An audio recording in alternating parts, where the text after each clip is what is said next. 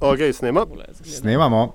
En ptiček je zažvrgulil. Tole zgleda vse snema in še preden zagrizemo v te najbolj vroče zadeve, sem rekel, vas moramo vprašati, eh, pa ni treba širše politično komentirati, če v štartu, no, ampak Uber, prve misli in te zapleti pri nas. Ja. Na kateri strani ste?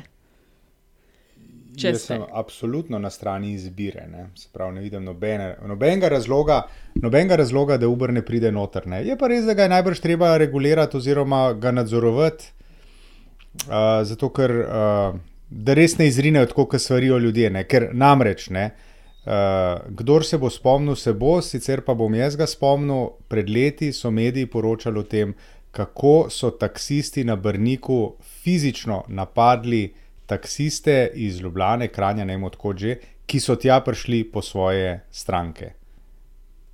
Ne? In če, in če uh, en Uber ali pa Lyft ali karkoli že, že samo s tem prekine, potem je bilo veliko narejenega. No, jaz sem hotel glih to ne, dodati, da um, to, da sam da Uber pride, seveda samo po sebi ni problem. Uh, sploh glede na to, kako teritorijalni so, vsaj ljubljanski taksisti. Ne. Vem, recimo, da taksi društvo Ljubljana si sploh ne upa parkirati pred parlamentom in pa raje pridejo iz trga mladinskih delovnih brigad te iskati. Uh, druga stvar, tisto, kar pa meni. Ker ima kaj, nekdo drug? Ja, ja, ja ker so pač tam, A. ne, veš, uh, mrge brez vratu so tam. Ne? Uh, in uh, tisto, kar mene bolj moti pri celi zgodbi, je način, kako se to dela, da ti glavni lobist Uberja za regijo dejansko vodi svet, ki ti bo napisal zakon. To pa tudi ni To je pa drugo vprašanje. To, to se pač absolutno strinjam. Zato sem rekel, da je treba to stvar uh, regulirati. Ne. tako. Uh, nisem pa Pa jaz jaz sem se- osebno, jaz sem se nekajkrat vozil uh, z Uberjem uh, v različnih državah in uh, nisem imel ene slabe, ene slabe izkušnje. Res ne. Ja, ja, ja. Jaz isto ne. Se spomnim, tam enkrat, glih 2014, sem se prvič pelala in te prve stvari, ki so mi bile, o, kako fajn, ker se mi ni treba na cesti gužvati, pa o, kako fajn, ker je brez uh, denarno plačevanje, pa vnaprej vem, koliko bo kaj stalo, a veš. In ni, ni tistega več, da je iz Brnika do Ljubljana, ne vem, koliko so računa, 40-50 evrov. Ne. Ja, v, v nasprotno smer pa 20. Ne. Sploh če so, veš, sploh če so, če je nekdo govoril v tujem jeziku. Ne.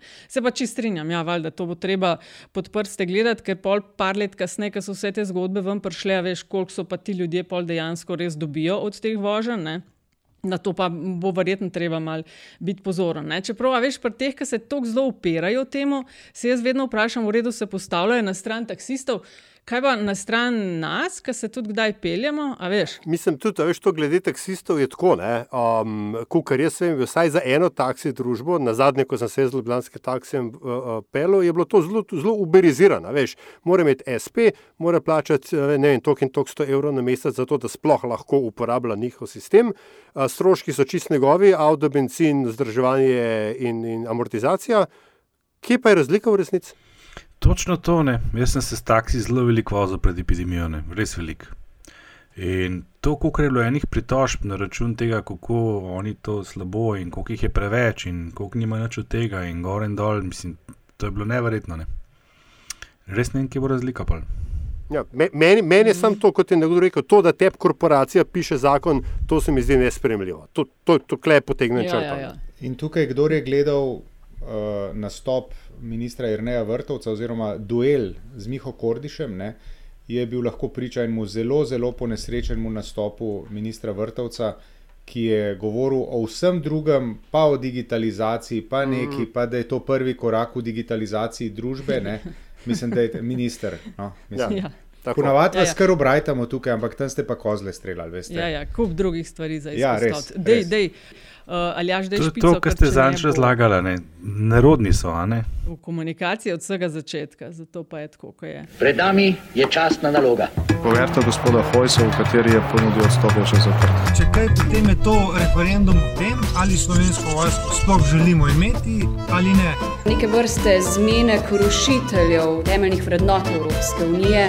Kar sem odšel iz politike, vse narobe. Več afer, kot bodo sproducirali, bolj bom grizla in sekala lovke. Osebno sem se danes testiral, čakam na rezultate zaradi preventivnih razlogov, da eh, ne bo potem kakšnih dilem. Mi nismo ničesar plačali, tako da zagotovo ne gre za goljofijo. Pa si vi sploh želite čim prejšnjega konca te epidemije? Te razprave ne bom nadaljeval, ker eh, nisem neumen. To je LDGD, podcast, ki nikogar ne podcenjuje in ničesar ne jemlje preveč resno. V imenu svojih najbližjih in v božjem imenu vas pozivam na lov. Uživajte, dokler lahko. Hvala lepa.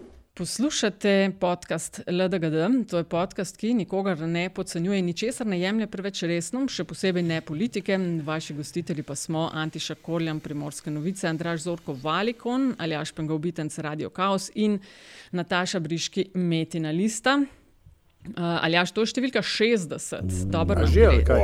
Ja, Wow. drugi rojstni dan smo pre, praznovali pred dnevi. Uh, in kličemo res še enkrat, eh, hvala, ker, nas, ker ste naša družba, ker uh, investirate v vsebine na metini listi, podpirate podkaste, kakršen je tudi LDGD.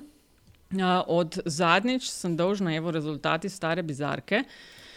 Je, je bilo kar tesno, veste, to rundo, mislim, relativno tesno, ampak Tunin in uh, Viška postelje v DSO-jih 34 odstotkov, Aha. ne, ja, ne log, to je Mockdown 29 odstotkov, Erneclo Žakus 22 in cepilni manever Avstrija, Češka, Slovenija 15 odstotkov. Tako, malo bo še treba počakati do novih bizark. Ta zadnja dva tedna sta bila v tem pogledu spet zelo, zelo, zelo uh, bogata. Sicer pa smo, kaj ali jaš rekli, ne, da rečemo nekaj na uh, nove, v narekovaju, uspehe Slovenije na mednarodnem terenu. Ja, ti se kar vrstijo. Ja. Pa kaj, Mm, pa kaj, pa nekaj ja. na temo sredinskosti strank, ker zdaj so zgleda, vsi so v, sre, v sredini. Pa, um, referendum ustavno sodišče. Imamo tudi zelo zanimivo vprašanje bralca Tineta o novih starih strankah. Pa uh, ustavna tožba proti premijeju, kaj je to sedma, sem nekje zasledila v zgodovini Slovenije. Ja. In v bistvu kako so vse čas krivi eni drugi. Pa še tvoja omiljena se mi zdi, aljaš. Ne?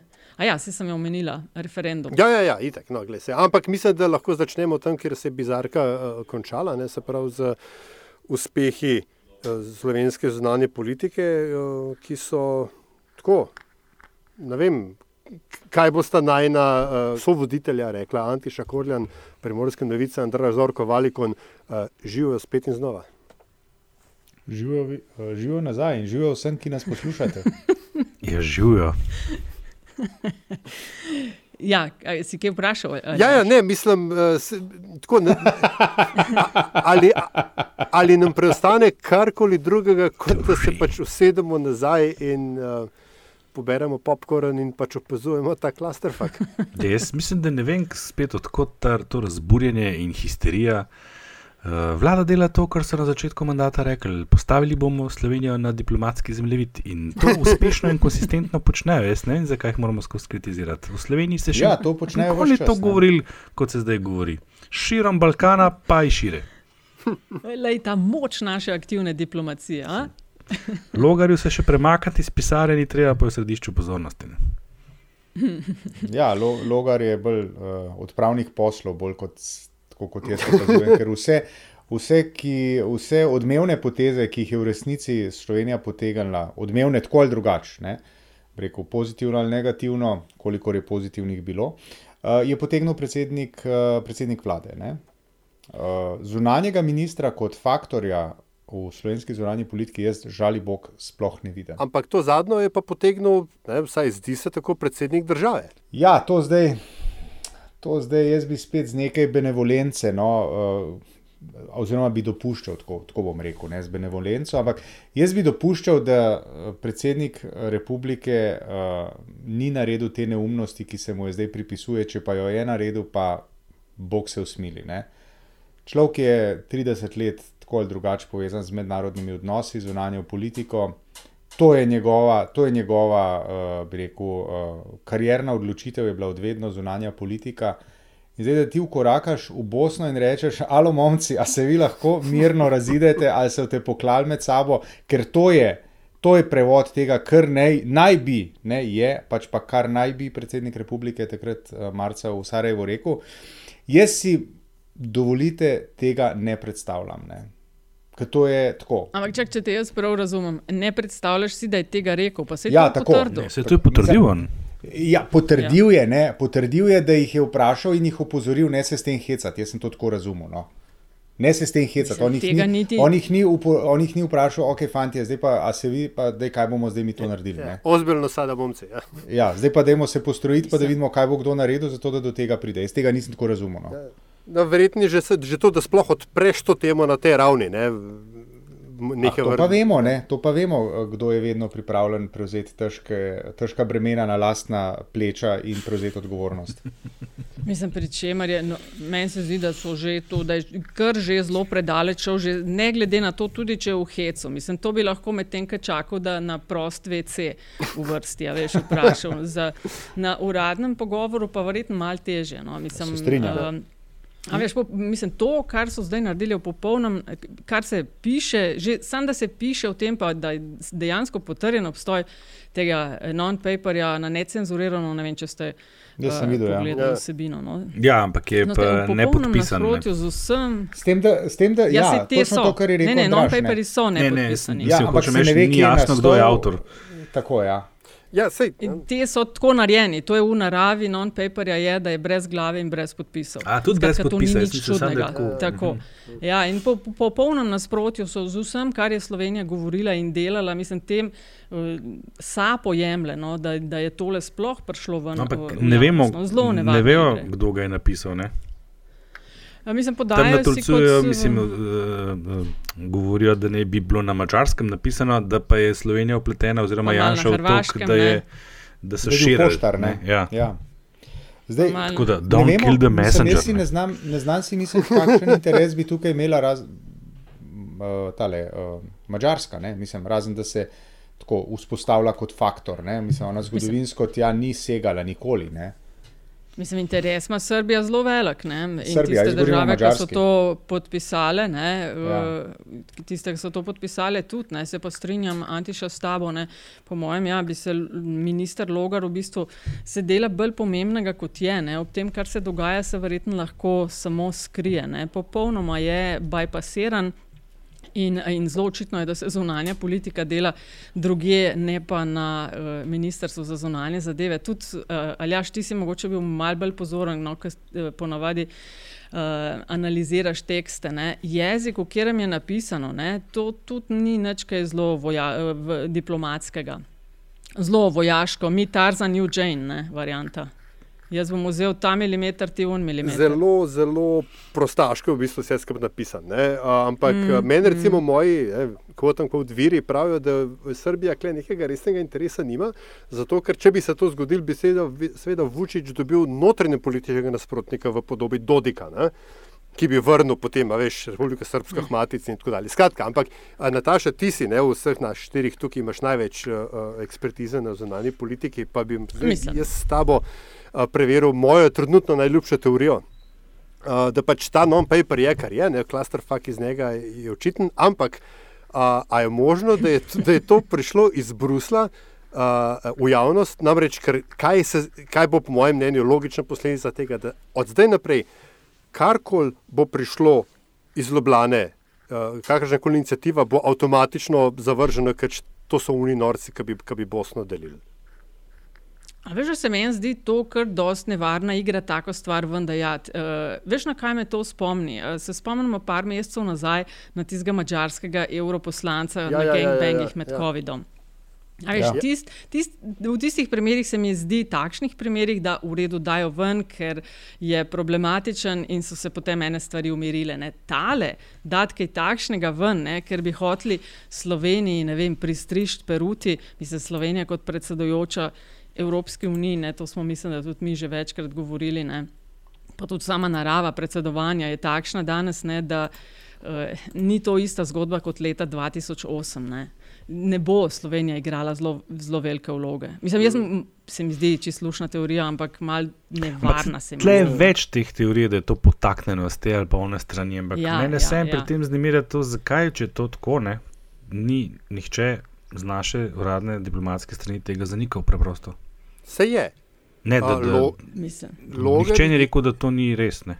Ne, Logar je zanikal avtorstvo, pač papir, papir je od zunaj. In, in, veš, in kle, dejstvo, da obs, njegovega obstoja nihče ni zanikal, mm -hmm. ga pa ni potrdil nihče, ker je to tudi. Oziroma, najprej so ga potrdili pri Šarlu Mišelu, pa so se pa premislili, so rekli, da ja. ne morejo potrditi. Ne? Se to je lohice. Ja. Kar je že, že to je nek hint, ne, kle, ta, ta dupla igra. Ne? Ampak a, Mislim, zdaj se, pod, ja. se pač podajajo ta otrošip ne, in v bistvu imamo tukaj igro gnilega jajca, se mi zdi, na jebo bo un, ki bo mi ga imel ta zadnjo roki. Ne. Mislim, mi imamo tako zelo občutljivo obdobje naše evropske in svetovne zgodovine. Mislim, mi imamo, pa ne samo mi, tudi v enih zelo drugih, tudi pomembnih državah, na ključnih pozicijah ljudi z vedenskimi motnjami. A je, možno, a je možno, da, bo, da bi zunani minister Logar odstopil ali bil odstopljen kot uh, kolaterala, žrtva na jagne? Ja. Kako je popularen Andraš na teh raznih raziskavah? Pa ne mislim, da Ben od SDS ni nad deset. Ne vem, ja, to pomeni. Odgovor, odgovor na tvoje vprašanje je, um, glede na to, da do zdaj ni odstopil Aleš Hojs, ne, glede na to, da smo zamenjali zdravstvenega ministra zaradi čist strankarsko-koalicijskih razlogov, ne, glede na to, da šolska ministrica ni odstopila, zakaj bi pa zunani minister odstopil? Mislim, a veš, to je ta logika. Ja, ja, ja. Jaz se lahko strinjam, jaz se lahko strinjam, ampak mislim, da smo imeli zdaj v zadnjem letu ene, ene tri, uh, uh, tri možne kandidate za tako potezo, pa se nič od tega ni zgodilo, zdaj zakaj bi se pa tokrat? Ja, veš, da tako, kot je ta, ne Tarzan, tako kot je Trump rekel. Ne. K, a veš, hoče biti nepredvidljiv. A veš, to, oni imajo en sistem, pa pa enkrat presekajo, da jih ne moreš veš, predvideti vnaprej. Igrajo nepredvidljivo. Ne? Ja, ja. ja. ja.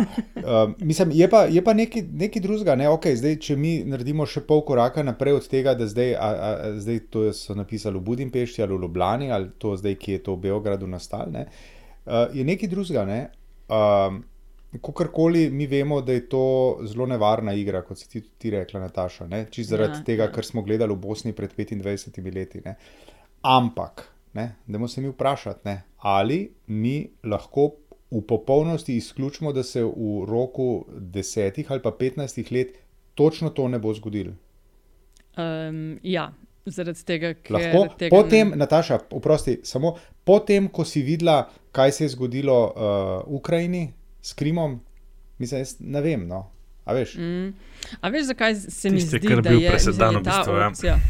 Uh, presedan, presedan Amerika, ki, ki, ki lahko Nemčija, trasira naprej. Veš? Amerika, Rusija se tukaj Nemčija, še ne uglasi. Francija. Ja so vse zelo proti, in če so kjer države, ki imajo vpliv na tem območju, so to te države. Ne. Tile bodo seveda skušali Srbi in Hrvati imajo, imajo svoje uh, ideje tam, ne. ampak veš, ti si čas izpred 25 let propelal, jaz ga bom pa tizga pred drugo svetovno vojno. Ker sem jih gledala, uh, pa bomo v zadnjih 30 imela to uh, eno epizodo zgodovine izdajstva in primer Češke. Ne. Takrat, če se spomnimo, je bil. Eh, Chamberlain na čelu Velike Britanije in Nemci so pritiskali, in takrat je bila ideja, da če bodo dali Nemcem sudete, bo pa mir. Ne? Ni bil mir, ne? pol so cela Češka, pa Belgija, pa Francija, pa pojmo se zemljo krastne. Uh, tako da zelo dvomim, da bi vsaj glede na to, kaj govorijo, da bi v naslednjih desetih letih to uh, naredili, išče se rešitev, išče pa se rešitev, zaradi tega, ker dol stvari mislim, ne delujejo najboljš. Ne? Dayton je preživel tisto, za kar je bil podpisan. Ja. Uh, no, ampak, ker smo že pri uh, odstopih, ne, oziroma potencialnih odstopih ali pa odstavitvah, lahko mi zdaj temo zamenjamo in gremo na vprašanje ustavne obtožbe predsednika vlade. Uh, Uh, mi, v končni fazi, ena taka stvar, ne, kot je ta fiasko za Bosno, se lahko tudi najde ne, kot uh, tema ne, za, za ustavno obtožbo. Um, kaj, si, kaj si mislimo o tem? Gre za prvo obtožbo, če prav razumem, ki je ni vložila SDS, ampak sedmo po vrsti. Antiša, če moram ja. zbirati. Ja, ja. No, mislim, to je v bistvu lahko rečemo, da je to ilustracija nečesa, o čemer smo se pred časom tukaj že pogovarjali in smo to kot uh, brezplačni na svet poslali uh, zdajšnji opoziciji, da naj preštudirajo tisto, kar je delala SDS vse čas, ko je bila v opoziciji. Ne. Oni so zdaj vložili pač ustavno obtožbo, iz tega si obetajo precej, uh, precej medijske pokritosti. Uh, in uh, bo zelo zanimivo videti, kako bo stvar kako bo stvar uh, se razpletla v državnem zboru. Tudi, ker bo uh, zelo zanimivo opazovati, kako se zdaj ta strankarski prehodi in tako naprej, kako se bo to materializiralo v poslanskih glasovih um, uh, pri res pomembnih zadevah, ki so, ki so pač biti ali ne biti. Ne. Ker za ustavno obtožbo, v bistvu zato, da gre čez, rabiš samo absolutno večino. Ne? Ni tako, kot v. Um, Čeprav se impeachment je tudi ne, 46, 46 je ne. Ki pa po novem zgleda precej bolj nedosegljiv, kot je izgledal dva tedna nazaj. Ja, Odkar se je desus konsolidiral. Sodišče morajo pol dve tretjini sodnikov Tako, dve tretjini sodnikov v, v bistvu je isti sistem, kot v Ameriki, samo da so telesa druga. Um, ampak um, jaz, recimo, isti, ne glede na to, kar je Antiša rekel, jaz nisem bil čist prepričan, da je ustavna obtožba pravi inštrument ne, za, za stopnjevanje pritiska. Se mi zdi, da bi šli lahko mečkam bolj v horizontalo, pa še kakšnega ministra mogoče prevlekli pred. Pred parlament. Uh, no, pa ampak... se ne, par so jih že, veš. Jaz mislim, da je to kar ja. logičen naslednji korak. Se lepo vsem celoti strinjam z Antišo. Lepo so poslušali naše nasvete. Mislim, da sem bil na morju, ko smo snemali tisto epizodo. Kaj še le, če bi bil v pisarni? Ampak, Kako ima pa to po vajnem ali pa po vašem mnenju, kakšne šanse, da dobi noge? Mm, po mojem, ne bom rekel nič, ampak zelo malo. Pa se smo imeli generalke, smo imeli zdaj o glasovanjih o ministrih, ki pač ne so pokazali. Ja, pa konstruktivna nezaupnica, pa tri interpelacije. No, pa tole zadnje glasovanje včeraj, prečerišnjem, ja. 46 glasov. Manjšinska vlada ima 46 glasov s pomočjo dveh uh, poslansk, mini poslanskih skupin in uh, manjšinskih poslancev. Ne? Skratka, ta ustavna obtožba je vložena zaradi primarno nenaročanja cepiv, rušenja STA, umešavanja v tožilstvo, ogrožanja pravice do vode, pa referendumskega omejevanja. Janša je komentiral, da gre za patetično potezo prvorazrednih in destabilizacijo države med epidemijo. Ne. Kar, Kar po povedanem doslej bi rekla, da menimo, da ne. Ma, mislim, no, mislim, ne, ja. ne nujno, da ne. ne zaradi, veš, zaradi, uh, s tem se bo moral nekdo ukvarjati. In zato, da se bodo s tem ukvarjali, pa ne mislim samo to, da bo nekdo sedel tam in odgovarjal na obtožbe v državnem zboru, ampak bo moral tudi pripraviti argumentacijo, proti argumentacijo. Tok in tok ljudi bo delalo na uh, obrambi, rekel. Ne? In uh, um,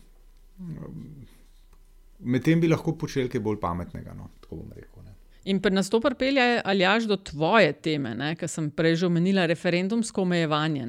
Ja, vi, vi, pa smo spet. A veš, kar se ustavne obtožbe tiče, mogoče. Veš, Ravno to, da se mi je zdelo, da so oni uh, in, inštrument, ki je uh, resnično, ki ima težo, ne, so kar malo mal na metal noter. To ipak ni nezaupnica vladi a veš, kaj pa konstruktivna nezaupnica. Oni so obtožili premijeja, da je kršil ustavo. Ti seveda lahko rečeš, da je on kršil tiste del ustave, zaprav, da je on kršil prisego, ki jo je dal ob, ob nastopu funkcije. Ne? Spoštoval bo ustavo in zakonski red in deloval v dobrobit blaginje Slovenije in njenih prebivalcev, jada, jada. Ampak kako je zdaj, veš, a, a, omejevanje referendumske pravice, kršenje, kršenje te prisege? Pa državni zbor ima tradicijo omejevanja referendumov. Mi, če se bomo spomnili, mi smo imeli predhodni zakonodajni referendum, naknadni zakonodajni referendum, posvetovalni referendum, ne vem, če tri pizde materni referendum smo imeli. Jo, spet si vulgar. Ja, res, ampak gledaj. Res. A, ki, to že sred dneva. Ja, ja. Ki, ki, da jim se dela, da je zvečer.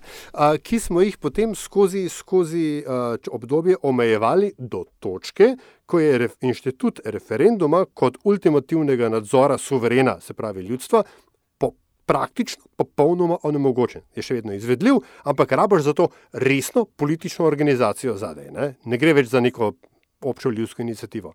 Uh, tako da to zdaj, da veš, kle, Janši obesati, se mi zdi mogoče še najmanj, najmanj uh, solidna točka od, od vseh ostalih. No, tako da se mi zdi, da je mečkan tako čez prst pripravljena ta ustavna tožba.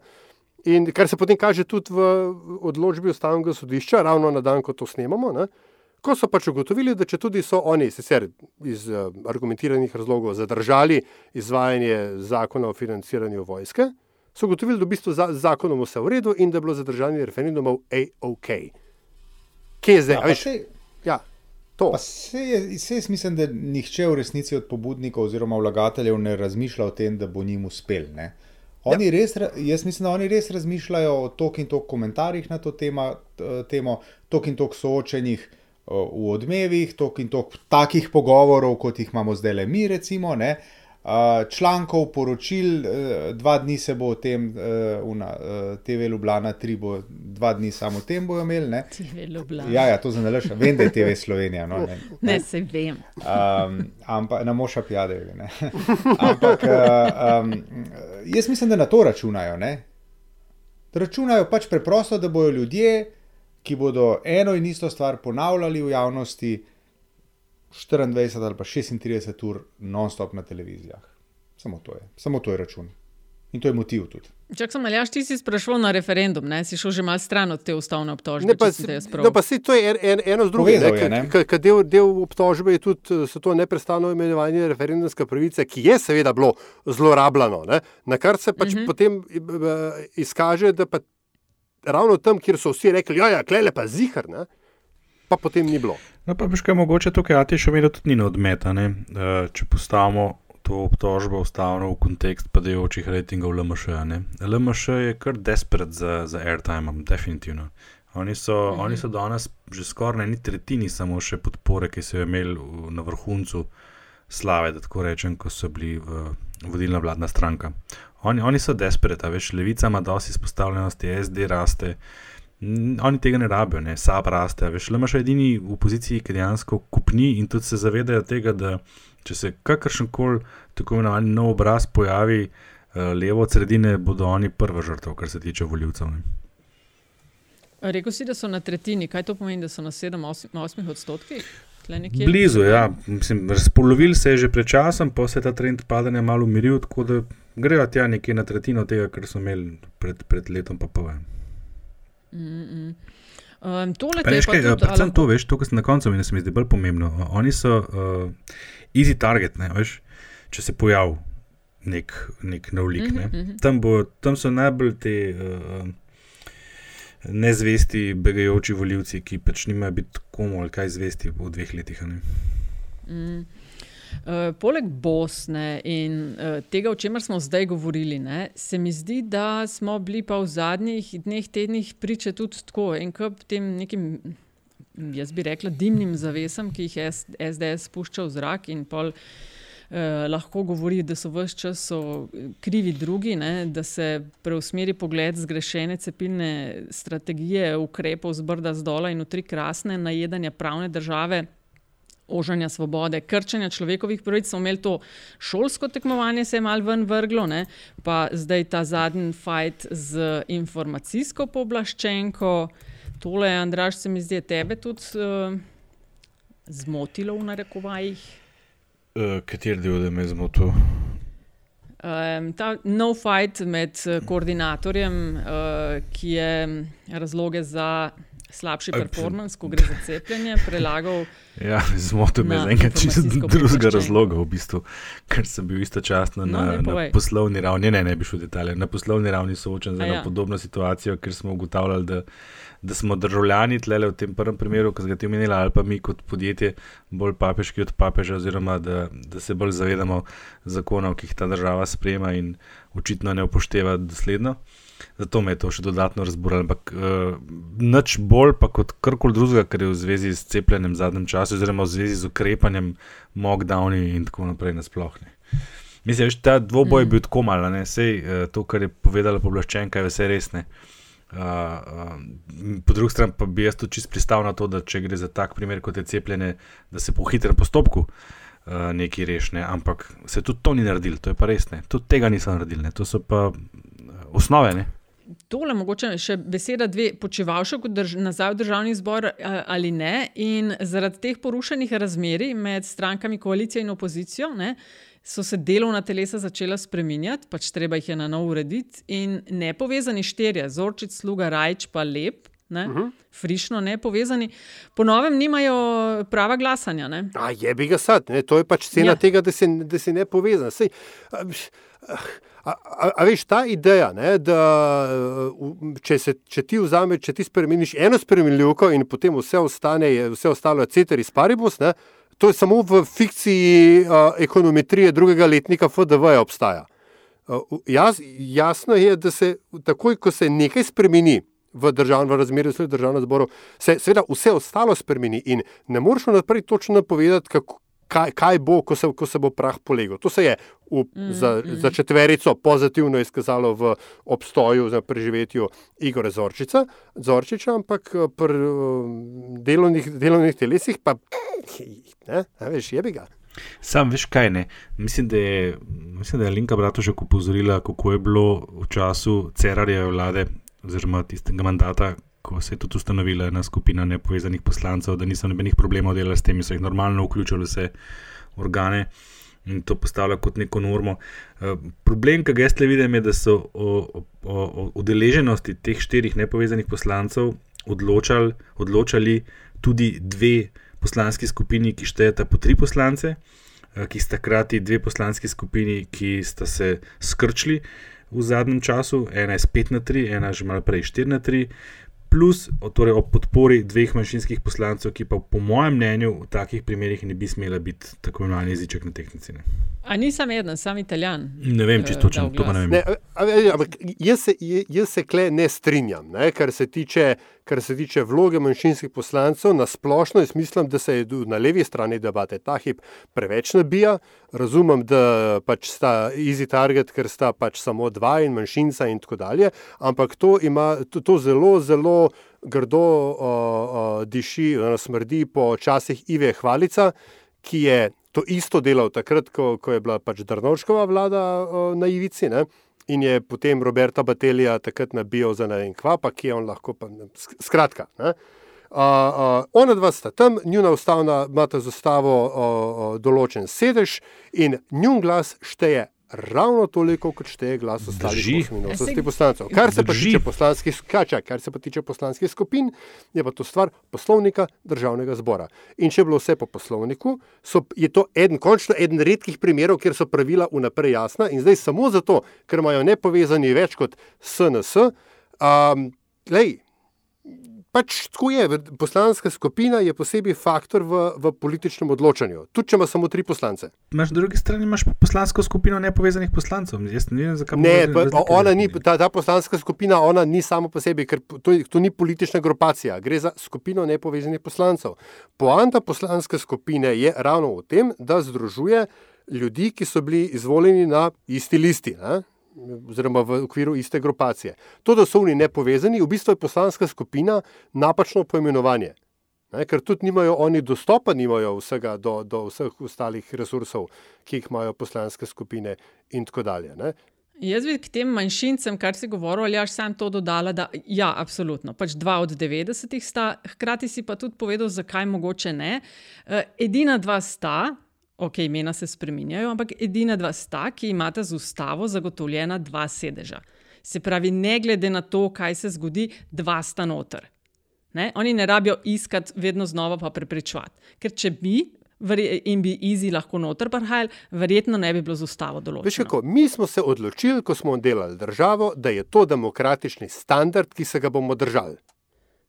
In če se ti zdaj rečeš, zato ker, me, ker ne morem združiti enega primjera, da bom pa ta demokratični standard znižal, potem pa lahko tudi predaš ključe v države ali pa mi vsi skupaj zapremo, pa gremo. Ne, ne, neč ne govorimo o nižanju standardov, samo o tem, da so tudi pričakovanja tisti, ki mislijo, da bi se v določenih primerjih lahko tile vzdržali, niso tako zelo ne na mestu. Ne, ne, ne, jaz mislim, da Okay, nimamo ja, no, na naslednjo, ja, ajde, okay. dosta. Ja, ja. uh, Antiša si še z nami? Seveda. Eh, sredinskost smo rekli, ne? to je bila tudi ena popularna te, eh, tema v zadnjih uh, dnevih. Ne? Vsi so naenkrat sredina. Desus je potrdil, da je zdaj, mislim, potrdil, mi smo sredina, malih je z leve, malih z desne. SMC to govori, NSI je to že pred časom rekel, SAP ima to uh, celo še mal bolj uh, zacementirano v svojih papirjih, ne povezani so sredina, pivec naša država, ok, ni še ni, uh, ampak tudi sredina, LMŠ, vsi so tako mal stebri sredinskosti. Seveda. Kaj, kot sem že ponovil, mislim, da na dveh komentarjih. Uh, Ta pojem politične sredine je pri nas zelo zlorabljen, predvsem pa, če moraš ti nekomu razlagati, da si sredina, pa najbrž to nisi. Ne. To se uporablja kot nek izgovor, pri, če smo na desno od sredine strankah, ki se hočejo malo uh, distancirati od svojega pedigreja, ker je pač desnica ima tako percepcijo, kakršno ima v Sloveniji. Pa nekatere stranke, predvsem ena od njih, se tle zelo trudi, da ne bi bila več boljša. In to ni manjša od obeh, seveda. Uh, na drugi strani je pa to tudi nek beg iz, tudi iz neke leve, kao, ne? ker leva, pa tudi leva stran, pa zadnje čase tudi doživlja veliko. Um, komentarjev, češ, da so krivi za ne vem kaj vse. In zdaj bi se radi vsi znebili te, teh, teh pedigrejev in teh uh, percepcij, da rečejo, mi smo sredina. Ne, a, a, ne, ne. sredina si takrat, ko to potrdijo voljivci. Ne. Sredina si takrat, ko te volijo voljivci, ki niso ne eno, ne drugo, ki niso ne tako zelo levi, ne tako zelo desni. Pričemer moramo pa vedeti, še, da v Sloveniji. E, so v sredini tiste stranke, ki ponavadi zmagujejo, oziroma so do sedaj zmagovali do, do leta 2018. 2008, 2012, 2014, ko jaz postavim voljivce strank uh, v tisti naš znameniti grafikon uh, odnosa do vloge države v gospodarstvu na eni, pa svoboščin do svoboščin uh, in človekovih pravic na drugi strani, se v sredini tega grafa nahaja zmagovalka volitev 2008, 2012, 2014. Trenutno, 2018 so se tam nahajali, dosti blizu, pa ne čist na sredini, LMŠ, pa, pa tudi SD, pa, pa SAP, um, ostali pa pač ne. ne. In pa še nekaj treba vedeti. Politična sredina v Sloveniji je rahlo bolj leva in je rahlo bolj liberalna, kot če bi vzel aritmetično sredino med uh, liberalnim, pa manj liberalnim, oziroma uh, konzervativnim, pa, pa, pa libertarnim.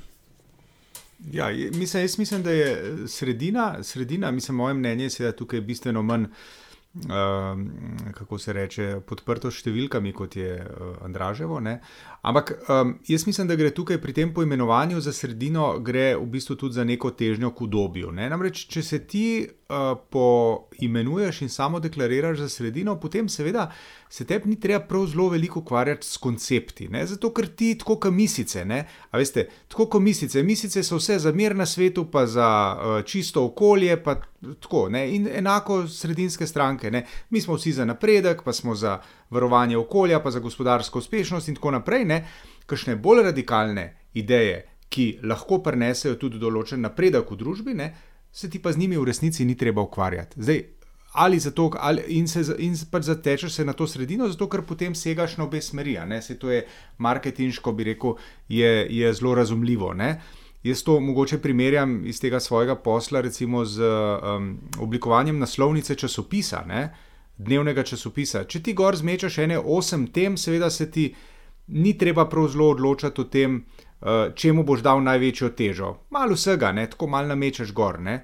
Medtem, če pa se odločiš za eno ali pa za dve temi, ki ti bosta ključni tistega dne, moš pa v to že uložiti miselni napor in angažma in pokazati, kaj je tebi najbolj pomembno. Na sredini, kaj, vse nam je pomembno, mi moramo skrbeti za to, da se imamo lepo in da dobro živimo.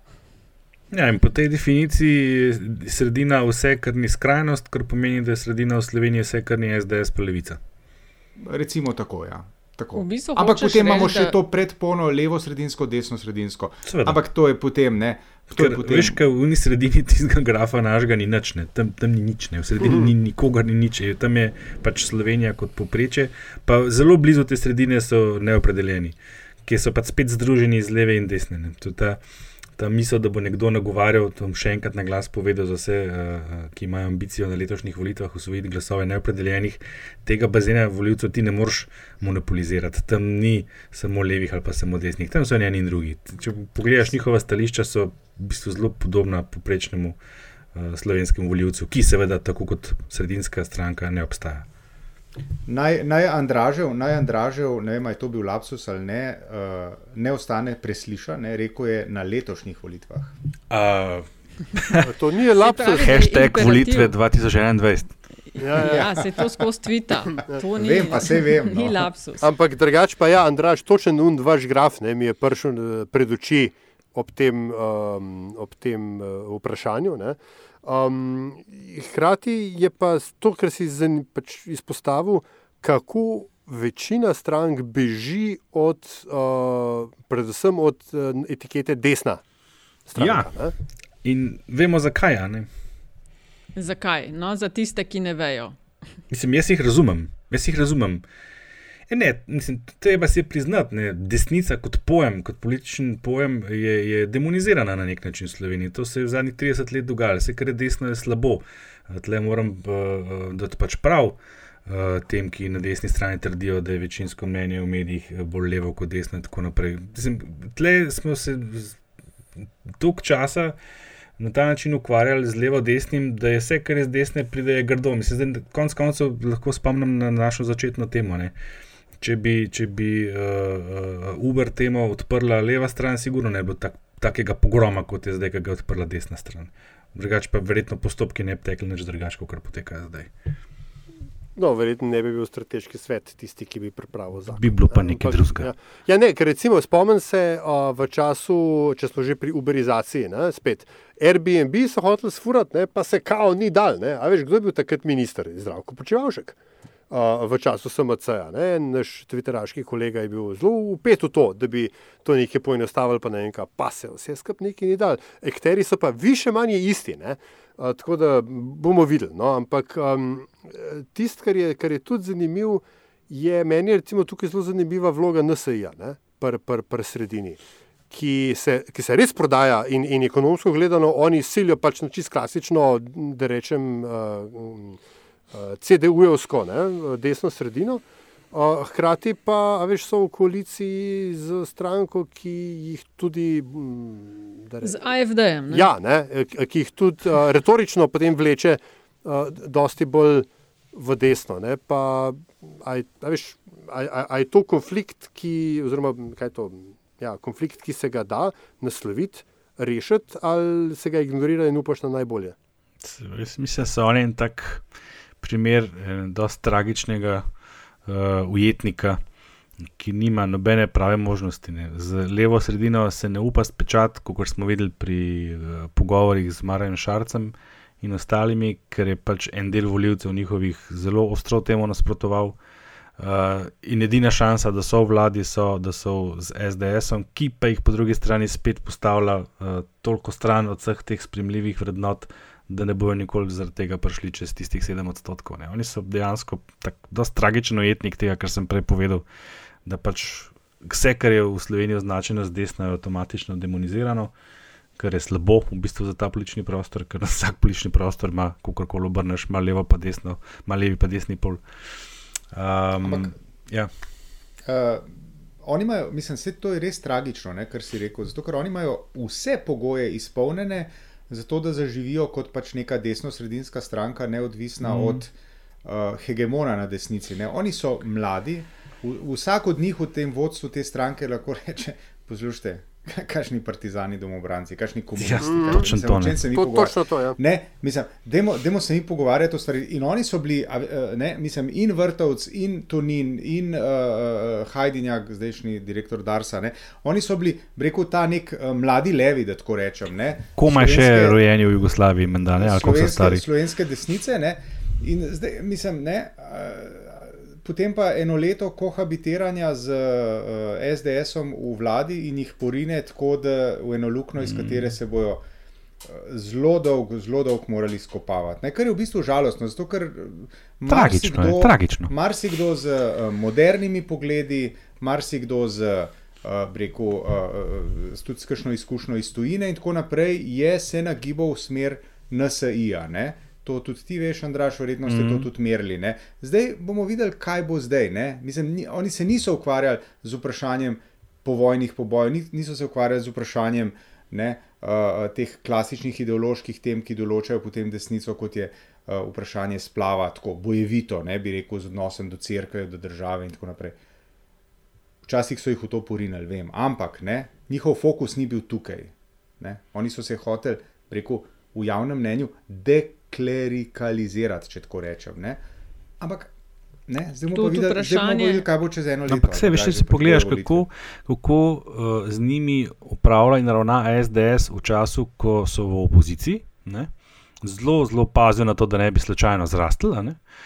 Uh, na drugi strani pa tudi z leve strani, veš, vse se zavedajo, da morbitna koalicija NSA, pa recimo SD, pa še kakšne od teh strank, predstavlja nevarnost tudi za, za te uh, levo od sredine. Veš, ker ta sredina je širok pojem v Sloveniji. Ne? Smo rekli, v centru in nobenega, ampak levo, desno sredine jih je pa veliko. Ne?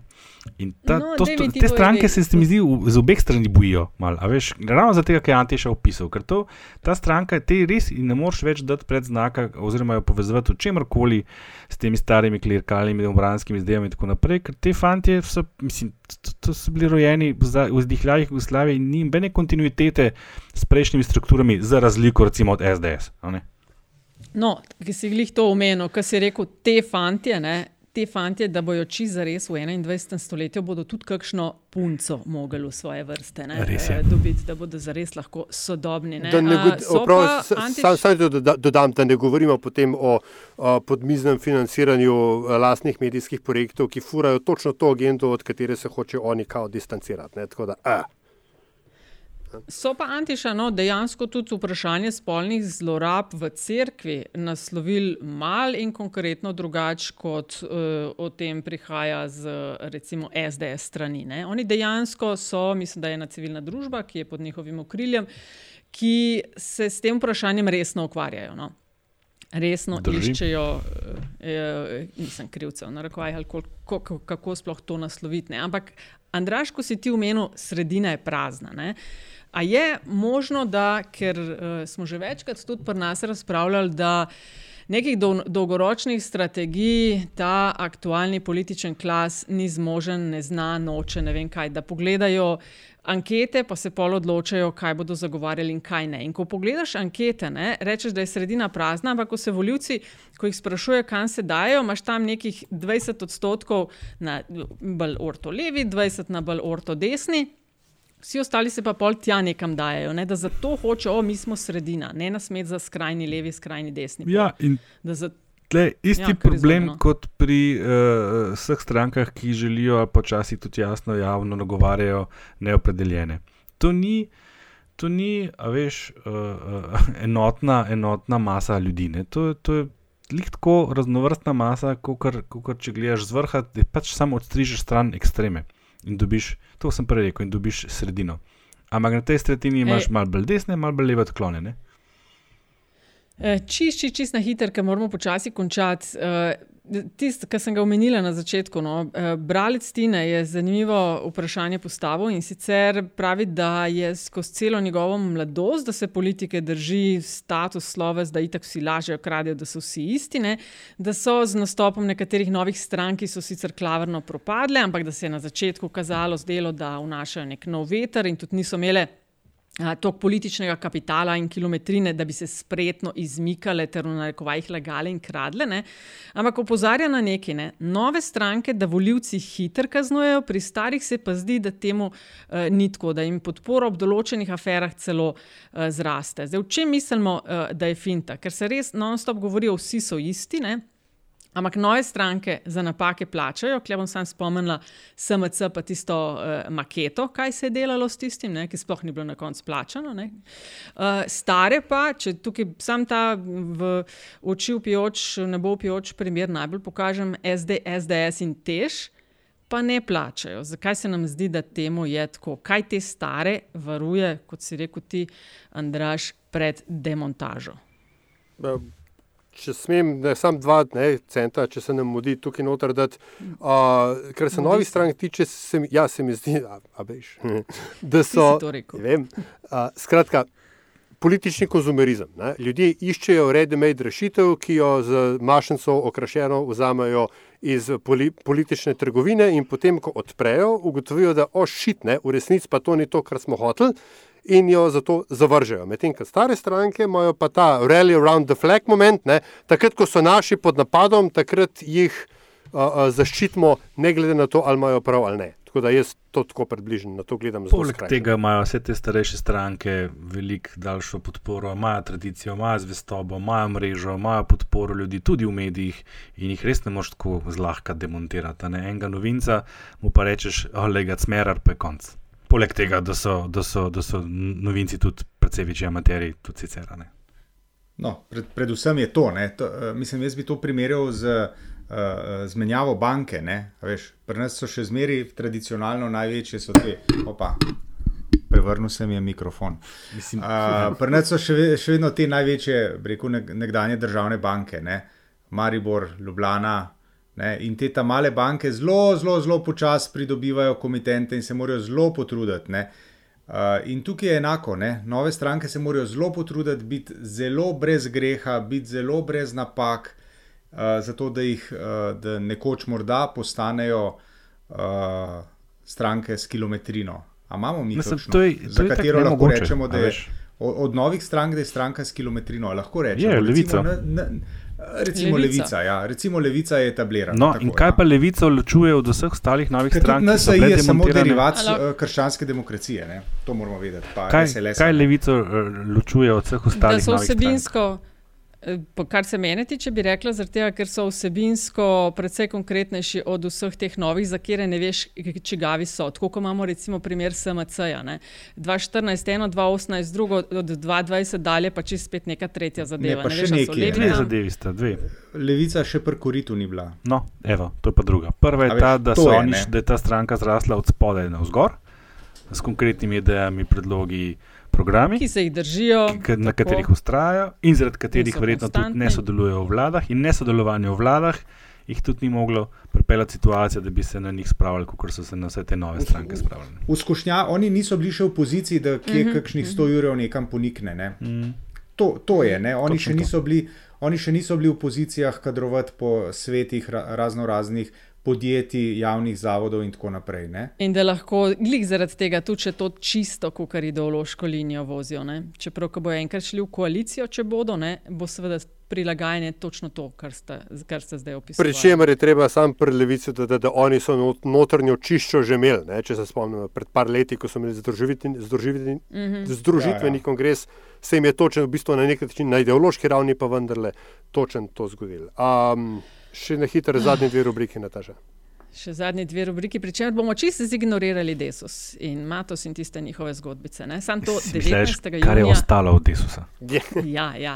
19. junija naj bi dobili novo vodstvo. Mhm, v In redu je. gremo, ajde, na nove bizarke. Um, kdo želi? Uh, se kdo dvigne roko? Se Bom, ja, jaz, Žan Mahnič, ki je um, potrdil v resnici, da v Sloveniji obstaja politično dirigirana korupcija za eh, infrastrukturne posle, s tem, ko je uh, kolego Petro Žarjaviču v Bruslu ne, grozil, da če ne bo Petrič dobil drugega tira, on ne bo mogel več iz Brusla dopisnikovati. Um, to se mi zdi. Ne, Ne smeš tistega, kar vsi vemo, pa noben o tem ne govori, ne smeš tega na glas povedati. No, žan je, bemo materno, da izber se. Frišanje. No. Ja. Mlad, teliček, Jaz Maverick. kandidiram strategijo necepljenja in vse, kar se v zvezi s tem dogaja. Kratko in jasno. Oziroma vse, kar se v zvezi s tem ne dogaja. Aj. Moja, fa- uh, izvolja, Antiša. Hvala. Um, ma ne, dej ti no. Sam, ker točno veš, kaj bom rekla. ne. No, moja favoritka je poslanka SDS, Mojca Škrinjar. Ne. Naj povem, da je, je tako blestela v zadnjih dveh tednih, da smo celo razmišljali, da bi svojo rubriko, da bi rubrika bila čisto njena. Ne.